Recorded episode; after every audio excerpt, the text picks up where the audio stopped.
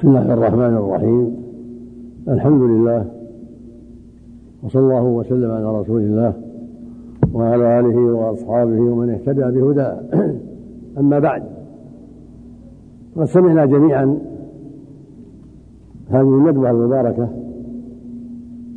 في موضوع الربا من صاحبي الفضيلة الشيخ عبد العزيز بن عبد الله بن محمد ال الشيخ الشيخ عبد الرحمن بن حماد العمر وقد أجاد وأفاد وبسط الكلام وأوضح ما ينبغي إيضاحه في هذا المقام العظيم في موضوع الربا. ولا ريب أن الربا من أخطر المعاملات المحرمة ومن أعظم أسباب غضب الله وعقابه إذا انتشر بين الناس ولم ينكر. قد أوضح أوضح جميعا أنواعا كثيرة ومعاملات كثيرة من معاملات الربا. فجزاهم الله خيرا وضاعف مثوبتهما وزادنا وإياهم وإياهما علما وهدى وتوفيقا. ورزقنا جميعا الانتفاع بما سمعنا والاستفادة مما سمعنا. كما نسأله سبحانه أن يصلح أحوال المسلمين جميعا في كل مكان. وأن يمنحهم الفقه في الدين. وأن يوفق ولاة الأمر لكل خير. وأن ينصر بهم الحق. وأن يخذل بهم الباطل. وأن يجعلنا وإياكم وإياهم من الهداة المهتدين. إنه جل وعلا جواد كريم. لا ريب أن التعاون بالربا من أخطر المعاملات. ومن أقبح السيئات. وقد سمعتم من الآيات الكريمات والأحاديث ما يكفي ومن ذلك قوله جل وعلا وأحل الله البيع وحرم الربا. وقوله جل وعلا يا أيها الذين آمنوا اتقوا الله وذروا ما بقي من الربا إن كنتم مؤمنين فإن لم تفعلوا فأذنوا بحرب من الله ورسوله وإن تبتم فلكم رؤوس أموالكم لا تظلمون ولا تظلمون.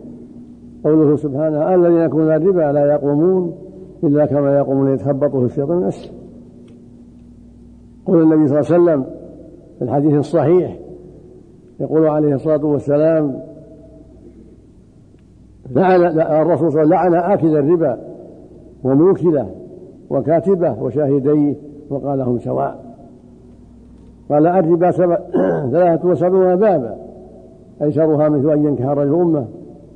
وإن أرض الربا استطالة الرجل في أرض أخيه المسلم. والله يقول في جل في كتابه العظيم وأحل الله البيع وحرم الربا.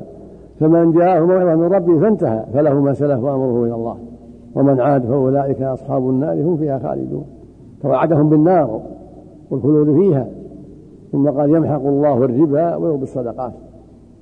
والله لا يحب كل كفار أثيم. فالواجب على المسلمين جميعا في كل مكان أن يحذروا الربا وجميع المعاملات التي حرمها الله من الغش والخيانة والتدليس وغير ذلك مما حرم الله. يجب على المؤمن وعلى المؤمنة أن يتحرى في معاملاته ما أباح الله وأن يحذر في معاملاته ما حرم الله من الربا والغش والخيانة وسائر أنواع المحرمات. ويقول بعض الضالين في بعض نشراته لا اقتصاد إلا ببنوك ولا بنوك إلا بربا وهذا من الضلال. الاقتصاد ممكن وقد عاش عليه المسلمون قرونا كثيرة أربعة عشر قرنا ولم يحتاجوا للبنوك ولا للربا فيما أحل الله ونهى عما حرم الله. فيما أحل الله لعباده ونهى عما حرم الله. ويقول بعض الضالين أيضا نشرته أن الدين في المسجد. ما له تعلق بمعاملة الناس ولا بتجاراتهم ولا ببنوكهم ولا غير ذلك. وهذا أيضا من الضلال. من زعم أن الدين في المسجد فقط فهو ضال مضل كافر. الدين مو في المسجد فقط في البيت وفي المسجد وفي الدكان وفي الطيارة وفي كل مكان. يجب أن يتمسك بالدين. أينما كنت؟ في الباخرة في السفينة في الطائرة في السيارة في المسجد في البيت في الطريق إلى غير ذلك. يجب. على كل مكلف أن يتمسك بدين الله. أينما كان؟ ومن زعم أن الدين الله كله في المسجد فقد ضل وأضل. وخالف شرع الله وخالف جميع المسلمين. فالدين يجب أن يتمسك به أينما كنت. في بيتك ودكانك وطريقك وسيارتك وفي الطائرة وفي كل مكان. الله جل وعلا خلق الخلق ليعبدوه وأرسل الرسل لإبلاغهم ذلك. وما خلقت الجن والإنس إلا ليعبدون. يا أيها الناس اعبدوا ربكم. ما أنت مخلوق للتجارة؟ أو للربا؟ أو للأكل والشرب؟ أو للعب أنت مخلوق لعبادة الله. وما خلقت الجن والإنس إلا ليعبدون. نص القرآن. هذا كلام الرب عز وجل. وهو أحكم الحاكمين. وهو لا أصدق منه. ومن أصدق من الله قيلا يبين جل وعلا أنه خلق الخلق ليعبدوه. جنهم وإنسهم. وأنت من إنسهم. وهكذا الجن. وهذه العبادة ما هي؟ بينها القرآن. بينها كتاب الله. بينها السنة. العبادة هي طاعة الله ورسوله. هي توحيد الله وطاعته. هذه العبادة التي أنت مخلوق لها. ومنها ترك الربا. ومنها ترك الغش والخيانة. ومنها ترك العقول الوالدين ترك قطيعة الرحم. منها المحافظة على الصلوات الخمس والجماعة في المسجد. منها أداء الزكاة. منها صوم رمضان. منها حج البيت. منها المداينة الشرعية غير الربوية.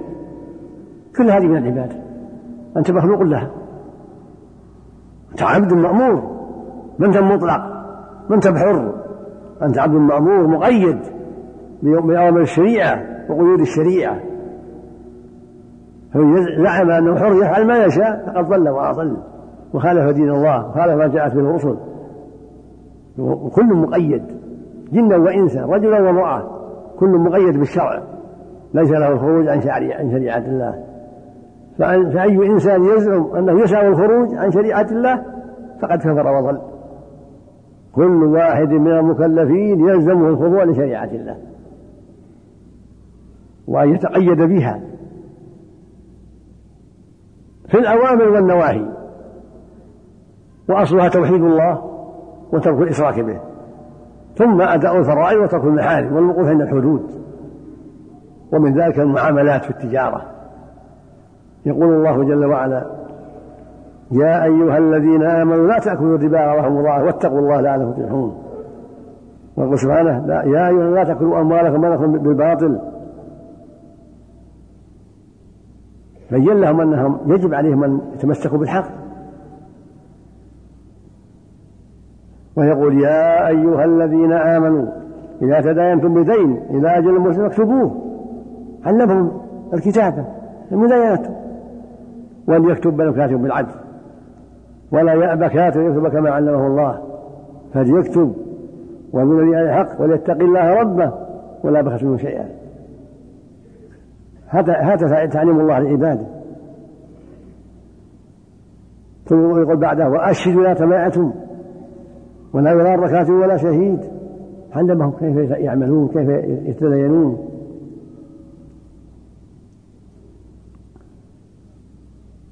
فالله جل وعلا شرع لعباده الأحكام العبادية والمعاملات الدنيوية وبين لهم الأحكام ليستلزموا بها. حتى المداينات وضح لهم أمرها فيما بينهم. والنبي صلى الله عليه الصلاة والسلام لما قدم المدينة والناس يمسكوا في الثمار. السنة والسنتين في التمر وفي الزبيب وفي الحبوب. قال من أسلف فليسلف في كيل معلوم ووزن معلوم إلى أجل معلوم. ما تركهم فوضى علمهم.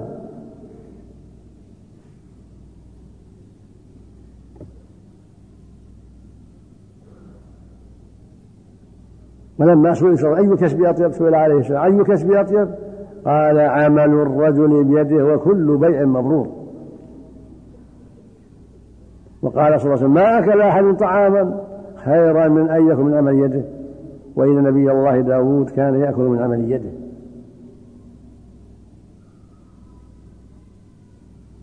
الله علمنا العبادات وعلمنا المعاملات.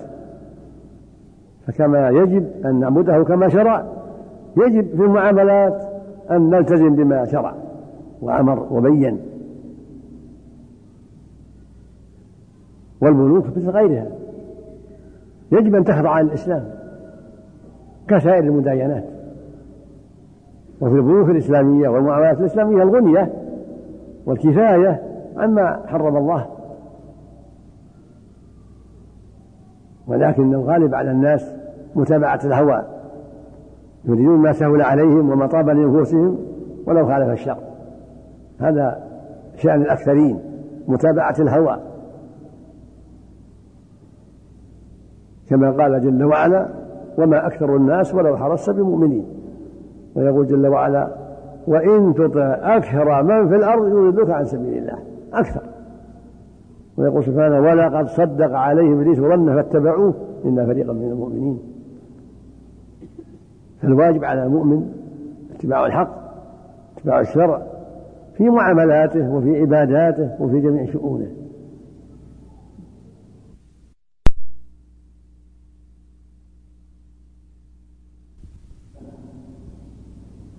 عاملا أو تاجرا في أي في أي عمل كل من يلتزم بالشرع.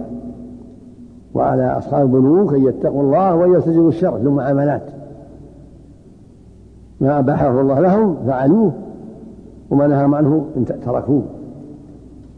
والاقتصاد بالطرق الشرعية هو الاقتصاد الشرعي هو, هو الذي يجب المصير إليه.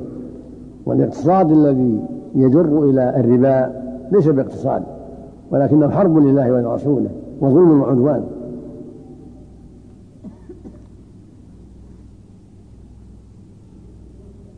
فالواجب على كل من يتعاطى الربا في البنوك أو غيرها أن يتقي الله وأن يتوب إلى الله وأن ينزع مما هو فيه. قال جل وعلا فإن تبتم فلكم رؤوس أموالكم لا تظلمون ولا تظلمون. يأخذ رأس ماله. ويكفيه بدا الزيادة التي عمل بها. والحيل التي تجر إلى الربا يجب القضاء عليها. كما سمعتم الحيل معاملات العينة التي يفعلونها حيلة على الربا فيبيعه السلعة بثمن مؤجل ثم يشتريها بأقل منه والمعنى أنه أعطاه دراهم قليلة بدراهم مؤجلة كثيرة. هذا المعنى. السلعة حيلة. خذ السلعة سيارة خمسين ألف إلى أجل أو آجال ثم يشتريها بأربعين أو بخمسة وأربعين يصير الفائدة خمسة عشرة. المعنى أنه أعطاه أربعين وخذ خمسين مؤجلة. فتحيا بالسلعة. جعل حيلة بينهما لا قيمة لها. ولما قال بعض الصحابة النبي صلى الله عليه وسلم انه اشترى صاعا من تمر طيب بصاعين من تمر الربي انكر أنكر عليه الصلاة والسلام. قال اوح عين الربا عين الربا. لا تفعل. بيع الجمع بالدراهم ثم اشتري بالدراهم جنيبة. يعني بيع الرديء ثم اشتري بالثمن من النوع الطيب هكذا في الذهب وهكذا في الفضة وهكذا يبيع الذهب في الفضة أو بشيء آخر ثم يشتري حاجة من الذهب بثمن آخر. أما إذا باع ذهبا بذهب لابد يكون مثل مثل لابد يكون وزنا بوزن مثل يدا بيد وهكذا برا ببر شعيرا بشعير فضة بفضة لابد يكون وزنا بوزن مثلا بمثل يدا بيد يتقابضان ولا شعيرة تزيد. لابد يكون متماثلين وزنا كما قال النبي صلى الله عليه وسلم وزنا بوزن مثلا من يدا بيد. فإذا اختلف الصنف فضة بذهب فلا بأس. يدا بيد لا بأس. من مع مع الزيادة. جنيه واحد. بخمسين ريال بستين ريال بأكثر. لا يدا بيد لا بأس. صاع شعير بصاع بر ما يخالف. عشرة أصواع شعير بخمسة أصواع بر يدا بيد لا بأس. لأن الجنس مختلف. صاع تمر بمد من الحنطة يدا بيد. مد من سكر يدا بيد. مد من يدا بيد لا بأس. إذا إذا اختلفت هذه الأصناف فبيعوا كيف شئتم إذا كان يدا بيد. والواجب على المؤمن والمؤمنات تفقه في الدين. لا يتعذر بالجهل يتفقه يسأل. الله يقول فاسألوا أهل الذكر يعني أهل العلم إن كنتم لا تعلمون. ما بقي عذر. اللي ما عنده علم يسأل. يسأل العلماء أهل الدين المعروفين بالعلم والفضل بالدين والخوف من الله يسألهم. ويتعلم. يقول النبي صلى الله عليه وسلم من يريد الله به خيرا يفقهه في الدين. من يريد الله به خيرا يفقهه في الدين. فمن علامات أن الله أراد بك خيرا أن تفقه في الدين. تسأل تحضر حلقات العلم تسمع الأشرطة الطيبة التي في العلم والمحاضرات تستفيد. وش أنت مخلوق له في هالدار؟ وش أنت مخلوق له؟ كالبهيمة؟ لا. مخلوق حتى تعلم وتعمل. مخلوق لتعلم وتعمل. وما خلقت الجن والإنس إلا ليعبدون. وهذه العبادة تحتاج إلى علم. لا بد أن تعلم هذه العبادة بالأدلة. لا يسعك ترك ذلك. يلزم أن تعلم ما لا يسعك جهله في دينه حضر حلق اليوم بحمد الله قد تيسر الله لك طرق العلم. سماع المحاضرات سماع الأشرطة الطيبة حضر حلقات العلم.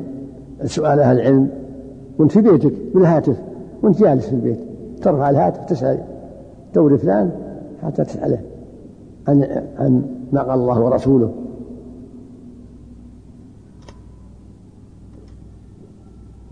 إذاعة القرآن فيها علم كثير إذاعة القرآن إذاعتنا إذاعة القرآن فيها علم كثير.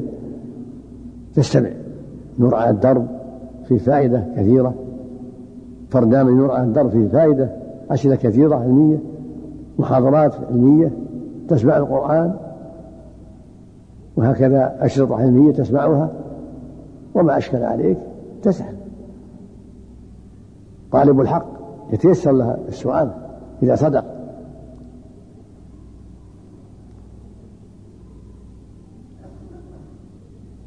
والحاجة بل الضرورة ماسة إلى منع الربا ومنع كل ما حرم الله. لأن هذه الدار دار العمل. هي دار العمل والآخرة دار الجزاء.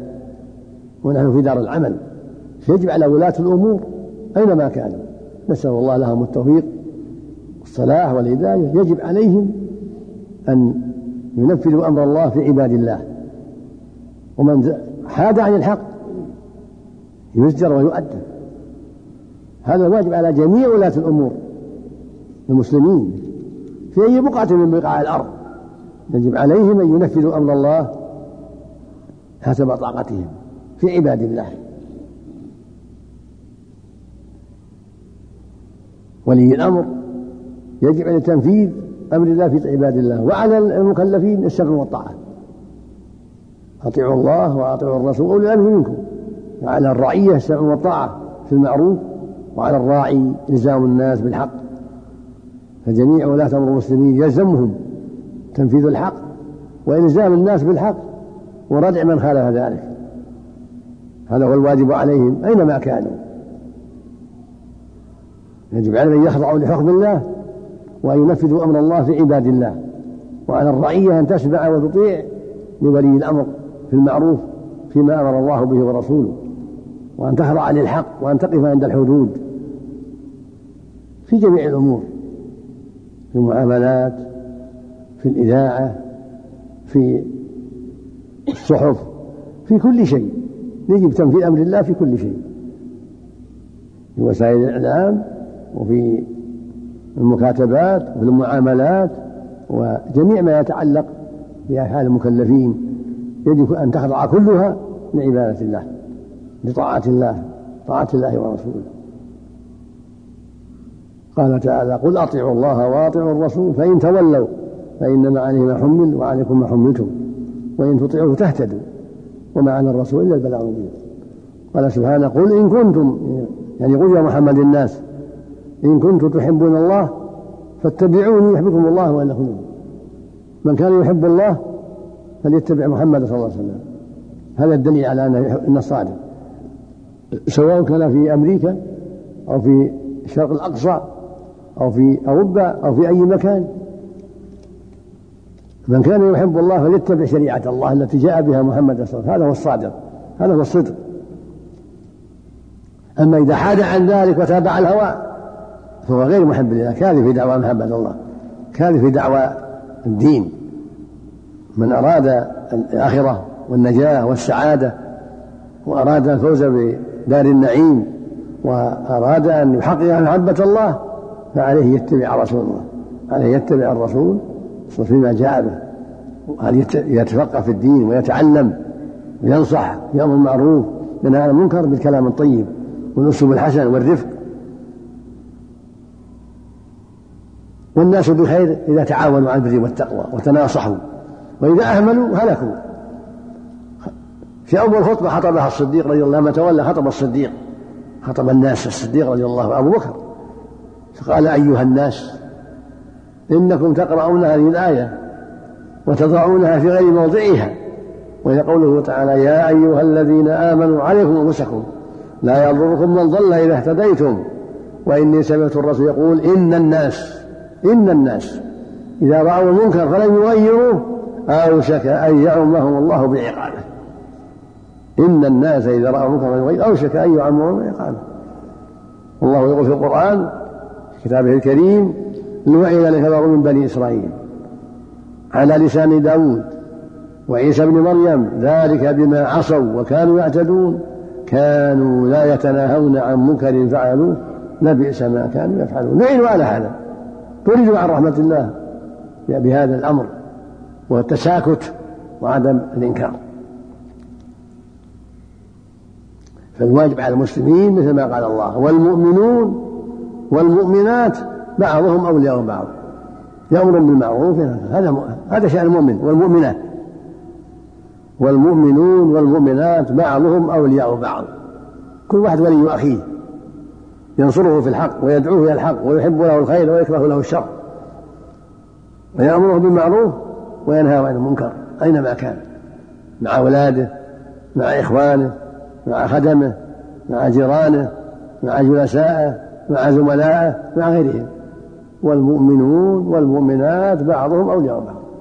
يأمر بالمعروف أينما كان في الطائرة في الباخرة في السيارة في الخيمة في, الاستراحة في أي مكان. مهما اجتمع بأخيه علمه أرشده وأمر بالمعروف ونهى عن المنكر. يرجو ثواب الله ويخشى عقاب الله. ويرجو أن يجمعه الله به في الجنة إذا صدق واستقام. أما التساكت والإغضاء والمحاباة فهذا طريق أهل النار. هذا طريق أهل النار. ودوا لو تدهنوا فيدهنون.